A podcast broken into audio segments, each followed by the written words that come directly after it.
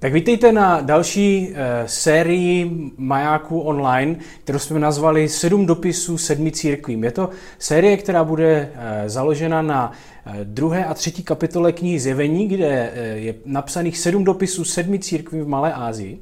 A o těch budeme e, mluvit. My jsme už eh, v knize Zjevení eh, nedávno měli jinou sérii, která se jmenovala Apokalypsa, kde jsme vybrali zase nějaké témata, tentokrát vybereme eh, něco trošku jiného. A zároveň já teda doufám osobně, že tahle ta série by mohla být poslední online série, která nás kdy v životě potká. Já to teda pevně věřím.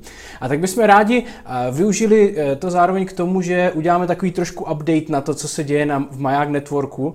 Takže těch dalších sedm kázání, které budou následovat dalších sedm nedělí, bude mít sedm různých lidí eh, z networku, z sedmi různých míst, kteří budou mít kázání a zároveň poví takový krátký update o tom, co se vlastně na těch místech děje, jak to tam vypadá. Ta kniha zjevení je zajímavá, nevím, co vás napadne, když se řekne kniha zjevení. Pokud jste nevyrůstali v církvi, tak možná nic.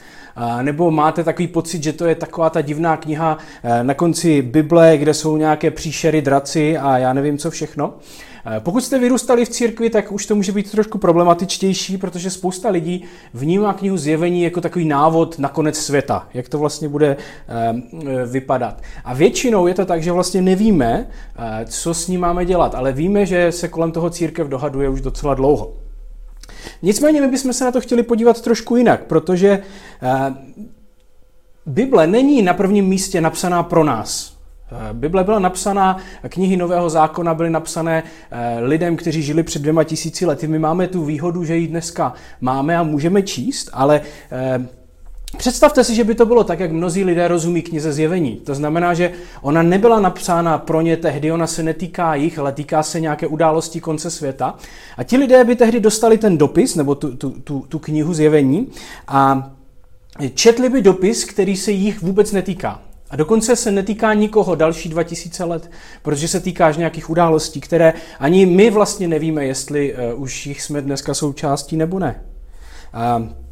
Většina lidí tím pádem neví, co s tím má dělat, ale ta kniha musí mít nějaký smysl. Uh, muselo to mít smysl pro lidi, kteří uh, ji četli tehdy a proto to má smysl i pro nás, když ji čteme dneska. A to, co je zajímavé, je, že když čteme knihu Zjevení, tak je to jasně pojmenovaný dopis, eh, kteří dostanou adresáti, kteří jsou pojmenovaní. V tomhle dopise nabízí Bůh jaksi svůj pohled na církev a na svět. A o tom bude taky ta naše série. Kniha zjevení teda není o tom, aby jsme měli nějakou teoretickou znalost budoucnosti, abychom si nakreslili nějakou tabulku e, o tom, jak bude vypadat konec světa, ale je to velmi praktická kniha. Je to o tom, jak žít ve společnosti, která je protikřesťanská, nebo není, kde, kde křesťané a společnost mají jiný pohled na to, jak by měly e, věci být. A e, to způsobuje samozřejmě spoustu otázek. Jo? A myslím si, že jsou to věci, které zajímají jak křesťany, tak nekřesťany. Myslím si, že to jsou otázky typu, eh, v čem bychom měli být jiní než naše společnost a jestli vůbec v něčem. My jsme spolu s několika eh, kamarády a kolegy teďka rozjeli na eh, jedné takové nové sociální síti v úterý večer vždycky takovou diskuzi právě o morálních otázkách ve 21. století, protože ty věci se mění, společnost se posunuje. Dneska v médiích řešíme, se řeší znovu a znovu eh, otázka například potratu v Polsku eh, nebo homosexuálních manželství homosexuálů. A, a církev se často ptá, jaká je naše role tady v tom. Eh, máme usilovat o to, aby zákony naší společnosti a naší země odrážely křesťanské hodnoty, tak jako tomu bylo posledních 1500 let, a nebo máme lidi nechat být, aby si dělali vlastně, co chtějí. Um, Jiné otázky to způsobuje v lidech, eh, když se vlastně ptají na to, jak, jak má vypadat můj život. Eh, záleží na to, jak žiju, nebo záleží jenom na tom, čemu věřím.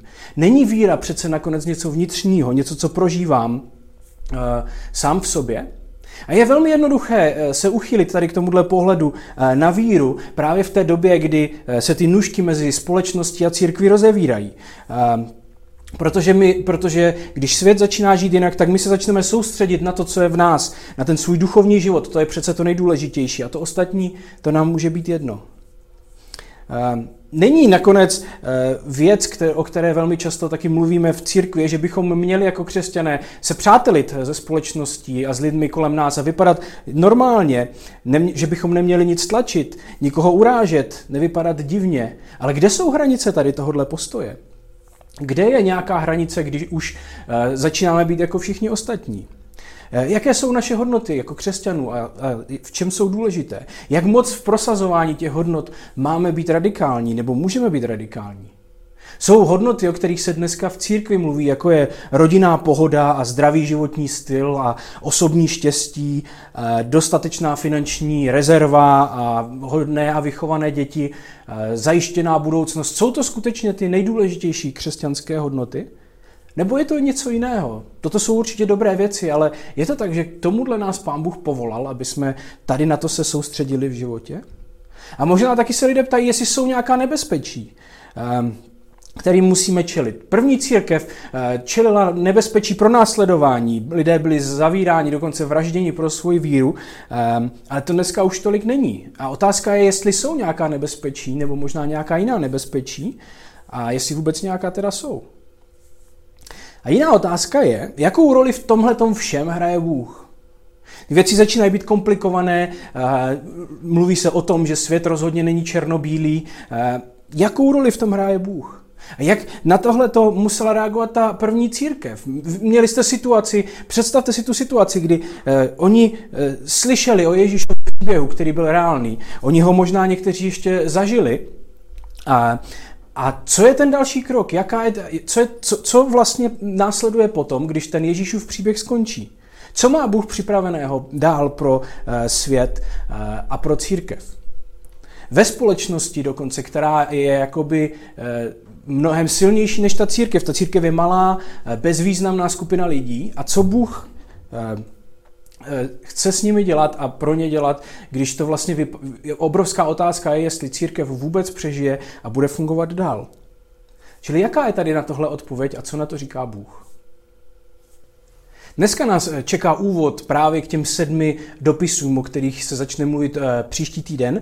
A podíváme se do zjevení do první kapitoly, která je, která je vlastně takovým úvodem celé té knihy a taky úvodem k těm dopisům. Nebudeme ji číst celou, ale já bych dneska chtěl přečíst eh, nejdřív tady kousek od, od prv, z první kapitoly od devátého verše.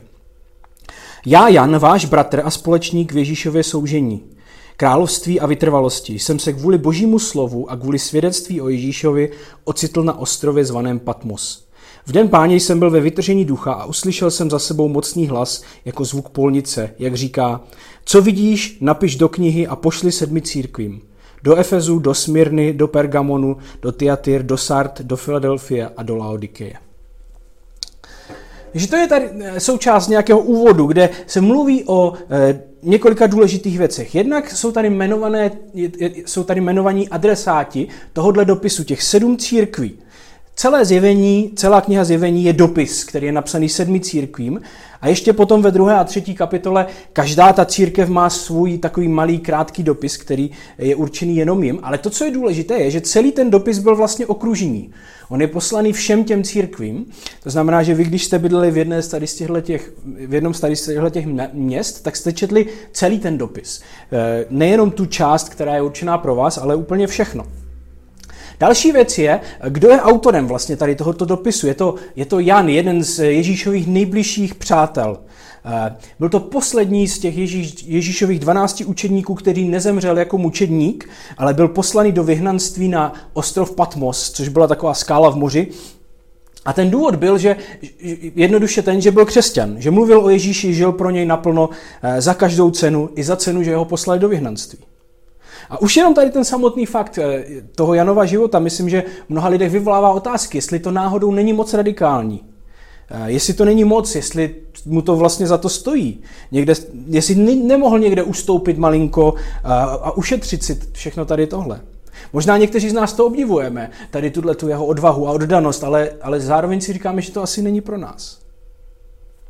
A mluví se tady e, o církvi, je tady nějaký širší obraz těch sedmi církví ale, a, a Jana, který je součástí tady těchto těch církví. A ta církev byla v takové velmi zajímavé e, pozici, protože v tehdejší době lojalita vůči státu se projevovala tím, že jste uctívali císaře jako boha. Císařové se prohlašovali za bohy a vy jste vyjadřovali svoji lojalitu e, vůči státu tím, že jste chodili do chrámu, který k tomu byl určený, tam jste zapálili kanidlo nebo přinesli nějakou oběť a tím jste vyjádřili svoji lojalnost vůči eh, státu. A tím zároveň, že římané drželi tu říši pohromadě. A eh, co jako křesťané v této situaci budete dělat? A protože tehdejší křesťané řekli ne, my to dělat nebudeme. Ehm, ta otázka byla jednoduchá. Kdo je pánem? Je to císař anebo je to Ježíš? Ehm, a křesťané říkali, je to Ježíš. To, to vyznání křesťanské, že Ježíš je pán, nemě, ne, nebylo jenom nějaké takové duchovní, ale mělo velmi jasný a politický náboj tady v této době. A to byl zároveň důvod jejich pronásledování. Neuctívat císaře znamenalo vlasti zradu. Otázka je, jestli jim to za to stálo. Vždyť o nic nejde, nějaký pomatený císař se prohlásí za Boha a my kvůli tomu máme trpět? Navíc přece je důležité to, čemu věřím uvnitř, ne? A ne nějaký hloupý rituál. Tak proč nezajít jednou za čas do nějakého chrámu a tam zapálit kadidlo a mít klid? Přesto to církev neudělala a přesto se církev rozšířila způsobem, který nemá v dějinách obdoby. A Jan je tady v tomhle s nima, on je taky pronásledovaný a píše jim o věcech, které jsou v této době důležité.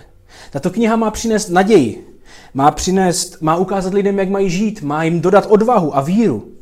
Nejde o nějaké šílené vize do budoucnosti, eh, nějaké snahy předpovědět, kdy bude konec světa, ale jde o to, jak pomoct lidem žít ve společnosti, která s nima nesouhlasí, nebo dokonce je pronásleduje a je proti nim.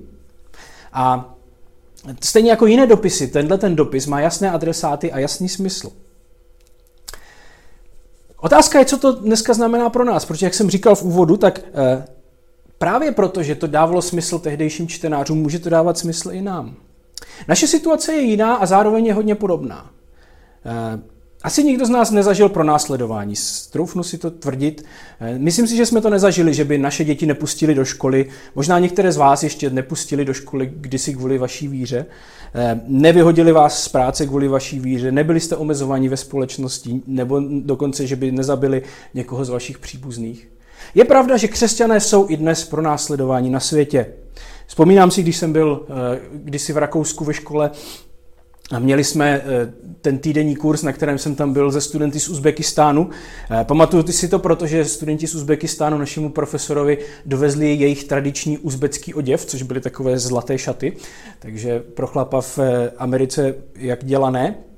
A když jsme tam takhle spolu strávili ten týden, tak jsme se seznámili a potom bylo jako šílené dostat za týden e-mail o tom, že tady tihle studenti potom, když se vrátili zpátky do Uzbekistánu, tak tu jejich církev zavřeli a oni se někde schovali, ale prostě hledala je nějaká policie nebo armáda a chtěli je zatknout. A byli pro následování, oni se museli skrývat. Jejich život byl ohrožený kvůli tomu, čemu věřili. Ale myslím si, že většina z nás tady tohle asi nezažila a snad ani nezažije. Nejsme pronásledovaní ani jako jednotlivci, ani jako církev. Nikde na západě církev není pronásledovaná. Máme obrovskou svobodu, máme obrovské výhody.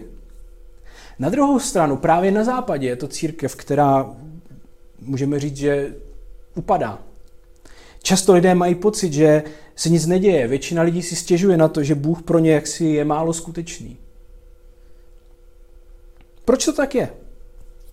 Já jsem kdysi eh, četl jednu knihu, která mluvila o tom, jak za doby komunismu v Rumunsku byly eh, byly to příběhy kazatelů a, a, a církve v Rumunsku za doby komunismu, kteří byli pronásledováni, byli zavíráni, mučení ve vězení a ta kniha byla zajímavá, byly to úžasné příběhy o odvaze lidí a, a víře a věrnosti Pánu Bohu. A zároveň ten autor té knihy tam dělal takové srovnání, že, že v tehdejší komunistickém bloku byly různé způsoby, jak, jak různé státy přistupovaly eh, k pronásledování křesťanů nebo ve snaze potřít náboženství. A jeden způsob byl tady tento pronásledování, které bylo v Rumunsku, ale jiný způsob byl, a možná někteří z vás jste ještě zažili u nás tady v Čechách, eh, kdy ten způsob nátlaku byl jiný, kdy se lidé omezovali jaksi ve svém pohodlí a ve svých možnostech, které v životě měli.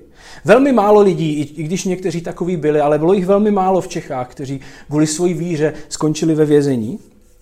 Ale například vaši děti nemohli jít studovat vysokou školu, nebo jste nemohli být třeba učitel, nebo dělat některé jiné věci.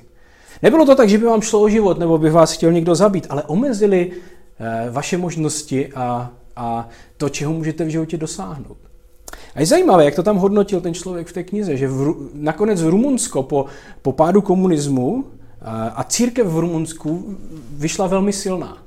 A když se podíváme na naší církev v Čechách, tak eh, to tak úplně slavné nebylo a není. A neříkám, že to je jediný důvod, proč to takhle dopadlo, ale eh, pro následování není jediné nebezpečí, které nám hrozí.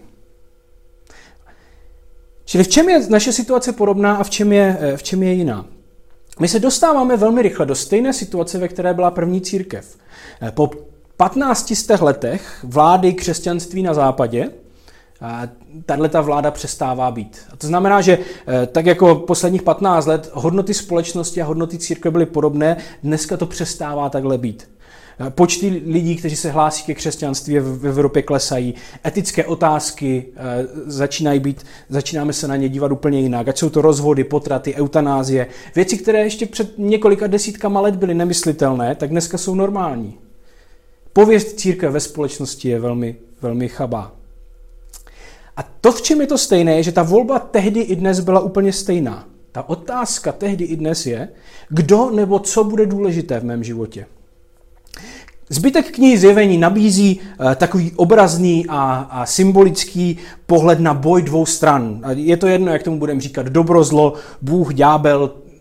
Není to tak důležité, ty obrazy jsou tam různé. Ale ta otázka je, na čí stranu se přidáte. A ne v nějakém jako mystickém smyslu nějakého duchovního boje, ale v konkrétních každodenních praktických životních rozhodnutích. Na čí stranu se přidáte?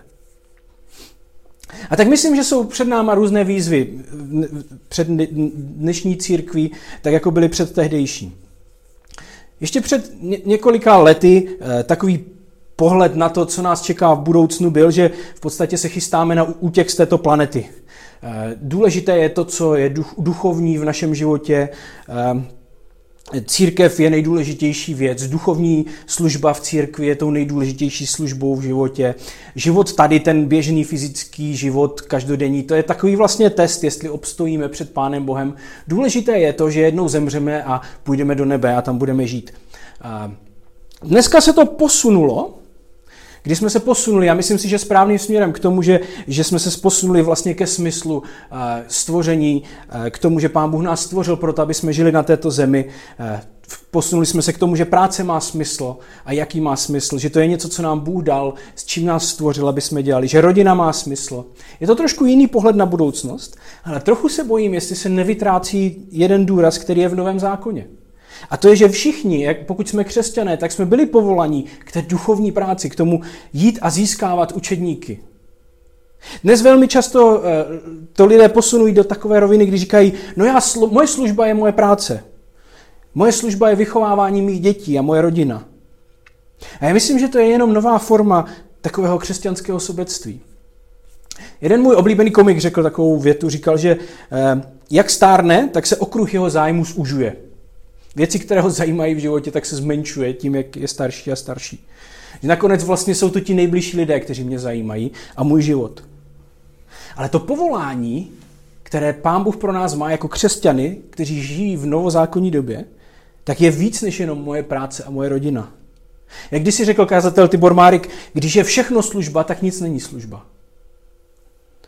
Nemůžeme jenom označit věci, které děláme rádi, nebo jsou pro nás jako přirozená zodpovědnost, jako služba. Otázka je, jestli budeme ochotní rozšířit okruh svého zájmu mimo svoji rodinu a mimo svoji práci na ostatní lidi. Myslím, že další výzva, která je před náma, je, že se doufám blíží konec této pandemie a myslím, že jsme si všichni zvykli na, eh, na takový pohodlný život. Na to, že možná církev ani nepotřebujeme. Nepotřebujeme někam v neděli chodit. Je to pohodlné, že jo, v neděli ráno vyrazit na výlet za rodinou, nemusíte nic řešit, nemusíte nic připravovat, nemusíte nic dělat navíc, co jste dřív dělali. A otázka je, jaký, jak bude vypadat návrat do běžného života. Budeme zase schopni dávat, protože církev to je místo, kde chodíme dávat. Protože to je to, proč jsme tady. Jiná, jiná výzva, která s tím možná trochu souvisí, je výzva duchovního života. Myslím, že často se v církvi mluví o duchovním životě eh, z pohledu jakéhosi strachu a vyhrožování. Když nebudete dělat tyto věci, tak to s váma skončí špatně. Když nebudete číst Bibli, když se nebudete modlit, když nebudete, tak to skončí špatně. A já myslím, že zkušenost mnoha lidí za pandemii je, že se duchovní život nějak vytratil a nic se nestalo. Nebo minimálně není nic tragického, tak jak se to velmi často jako o tom mluví. A otázka je, jestli nebyl postavený na špatných základech. Lidé, spousta lidí má pocit, že se jaksi Bůh vytratil z jejich života, ale vlastně se nic závažného nestalo.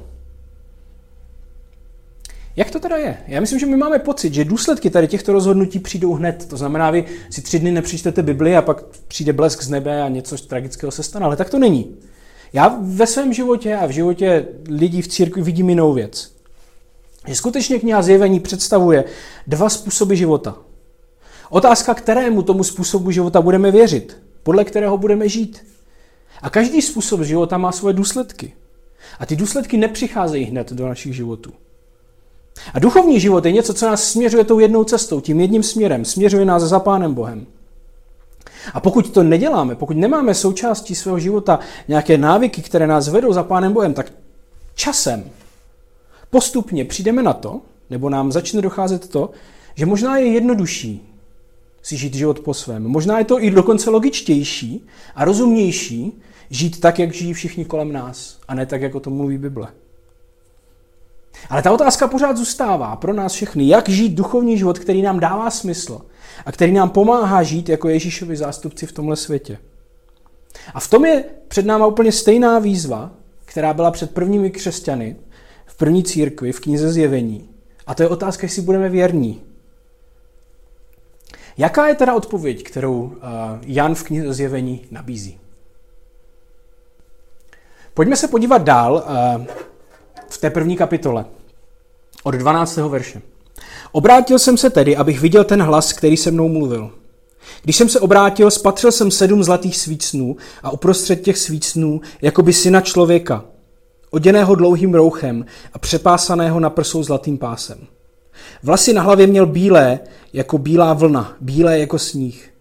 Oči měl jako plamen ohně, nohy jako bronz rozhavený v peci a hlas jako zvuk, zvuk mohutných vod.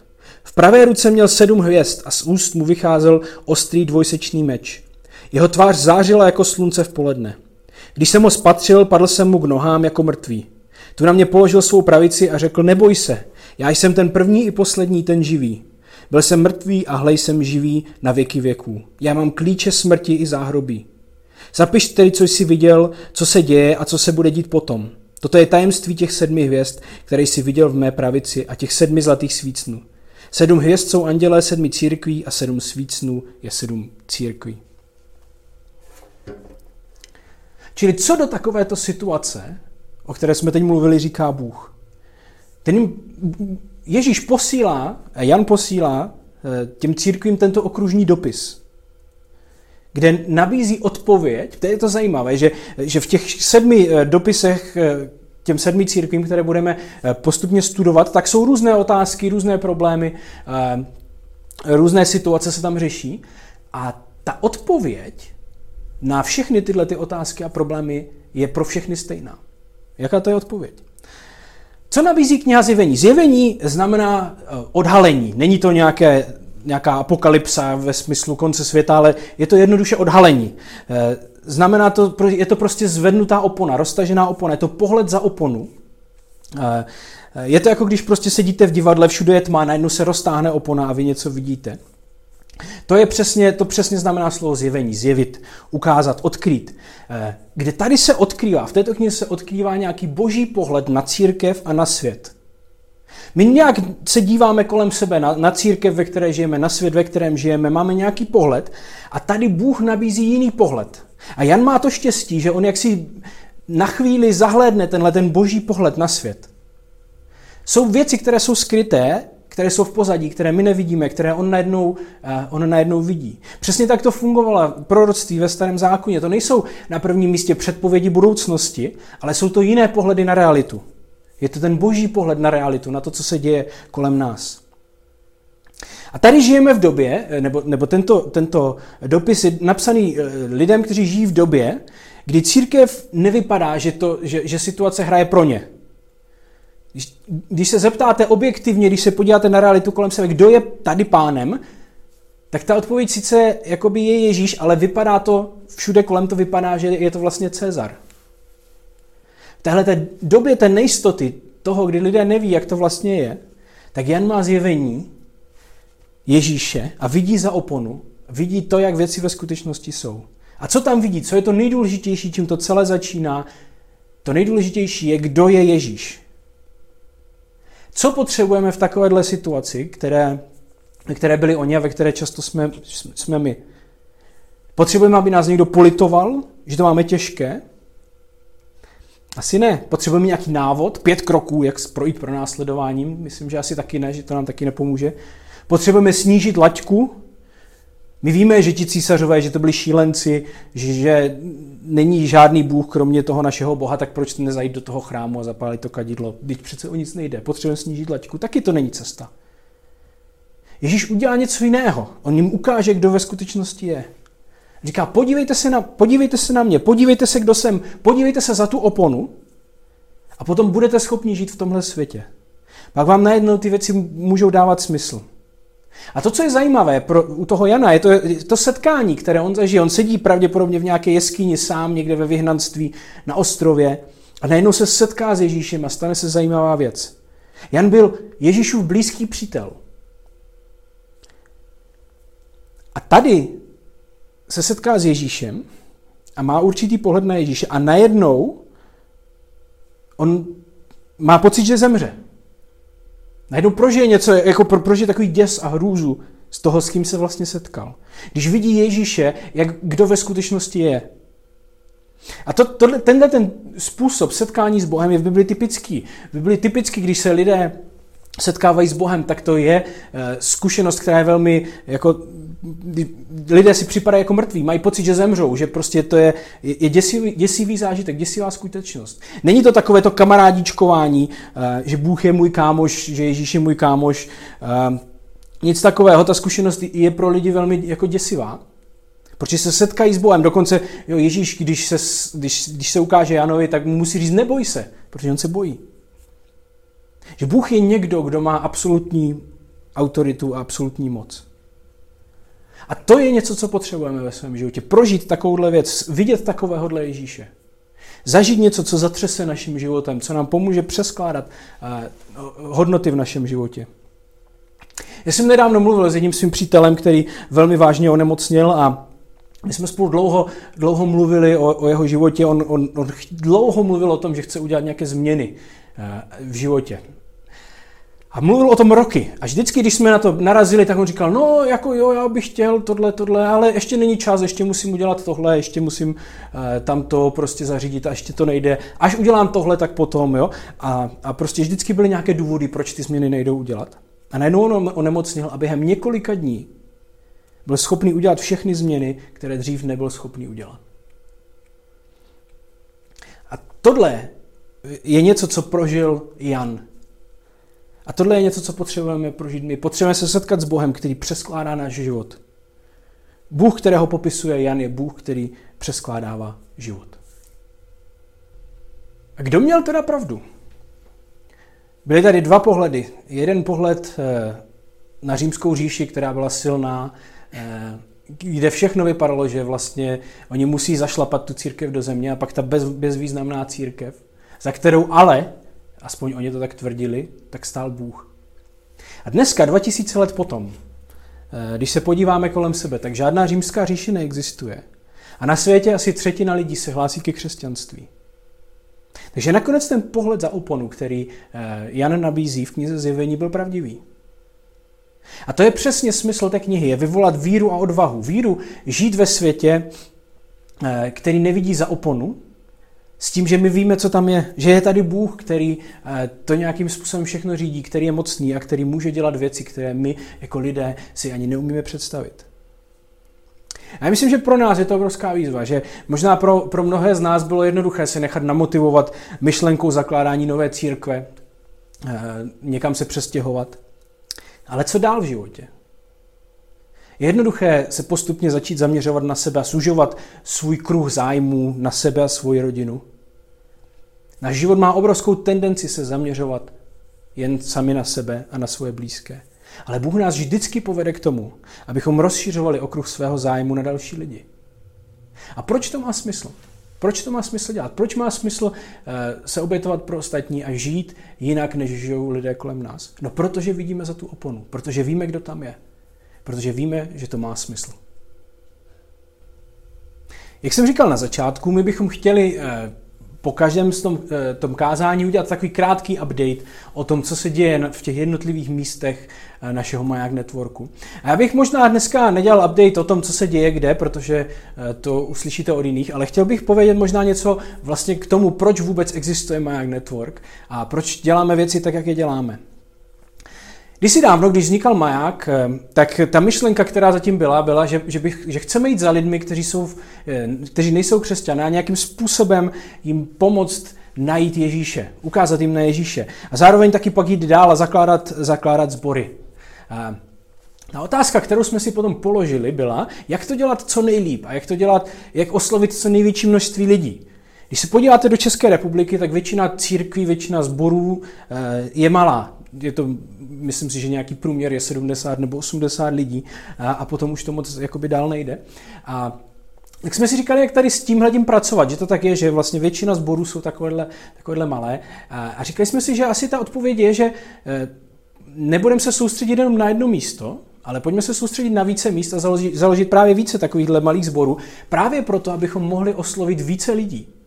To je zatím, proč děláme network, proč děláme věci tak, jak děláme, aby lidé mohli poznat Ježíše. Ehm, ta původní vize, která byla na začátku, byla, že ehm, založíme jeden sbor v jednom městě a ten, až doroste do nějakého počtu lidí, tak potom se polovina těch lidí přestěhuje do jiného města, což samozřejmě takhle nefunguje, protože lidé v Čechách se moc nestěhují. Ehm, ale oproti té původní představě se věci vyvinuly úplně jinak. Ale vyvinuly se. Založili jsme nejenom nové sbory, ale pomohli jsme skupinám, které chtějí zakládat nové sbory. Pomohli jsme místům, které chtějí být více misijní, aby byly víc misijní. A to chceme dělat dál. Jak to chceme dělat? Jak v tom chceme pokračovat? Jsou věci, které můžeme ovlivnit, a pak jsou věci, které ovlivnit nemůžeme. Jedna věc, kterou nemůžeme rozhodně ovlivnit, jsou příležitosti, které jsou kolem nás a které nám Pán Bůh dává. A takto to mimochodem bylo se všemi místy, které dneska jsou v Maják Networku. To nejsou věci, které bychom nějak strategicky naplánovali, ale byly to příležitosti, které nám Bůh dal, abychom je využili. A já věřím, že do budoucna Pán Bůh pro nás má připravené další příležitosti, které budeme moct využít. Takže to jsou ty věci, které ovlivnit úplně nemůžeme, ale pak jsou věci, které ovlivnit můžeme a chceme. A to je právě to, jestli ve chvíli, kdy ta e, příležitost se naskytne, my budeme připraveni s ní něco udělat. Jak co to znamená být připraveni? Být připraveni znamená to, že budeme mít dostatek, dostatek času, energie a lidí, kteří se můžou věnovat službě, ať v tom místě, eh, které je nové, nebo v tom místě, v těch, na těch místech, které jsou původní. To je důležité. Nechceme udělat to, že, že budeme pomáhat na různých místech, ale zároveň zanedbávat to, co už máme. A tak ta jediná možnost, jak se můžeme na tohle připravovat, je, že budeme pomáhat lidem, aby eh, se stávali vedoucími nebo služebníky v církvi. Je to tak, že ne všichni lidé půjdou na nová místa. Ne, ne všichni lidé budou ti, kteří řeknou, ano, já se přestěhuju. Možná jich je dokonce málo. Ale jsou, je mnohem víc lidí, kteří potom můžou vést skupiny a můžou vést mládeže a dorosty, a různé kluby, dělat různé formy služby na různých místech. Těch je mnohem víc než těch, kteří půjdou. Ale také ti, kteří zůstanou, tak potřebují být připraveni. A proto chceme, aby co nejvíc z nás přebíralo zodpovědnost, aby co nejvíc z nás se připravovalo na to, jak dělat službu. Protože ne každý se bude stěhovat, ale každý může vést skupinu. A proto se tolik soustředíme na, na přípravu vedoucích eh, a dalších lidí, kteří budou v církvi sloužit. A věřím, že to je způsob, jak, jak jít dál, jak pomáhat lidem, aby mohli najít Ježíše. A tak v dalších sedmi týdnech uslyšíte eh, kázání od různých lidí z těch eh, míst, které už dneska máme. A zároveň uslyšíte takový update, povídání o tom, co se děje, co se odehrálo, co, jaké jsou plány. Chceme využít ten čas, věřím, že už poslední uh, online série k tomu, abychom se ještě nakonec takhle všichni propojili a připomněli si, kdo kde je a, a jak to vlastně funguje.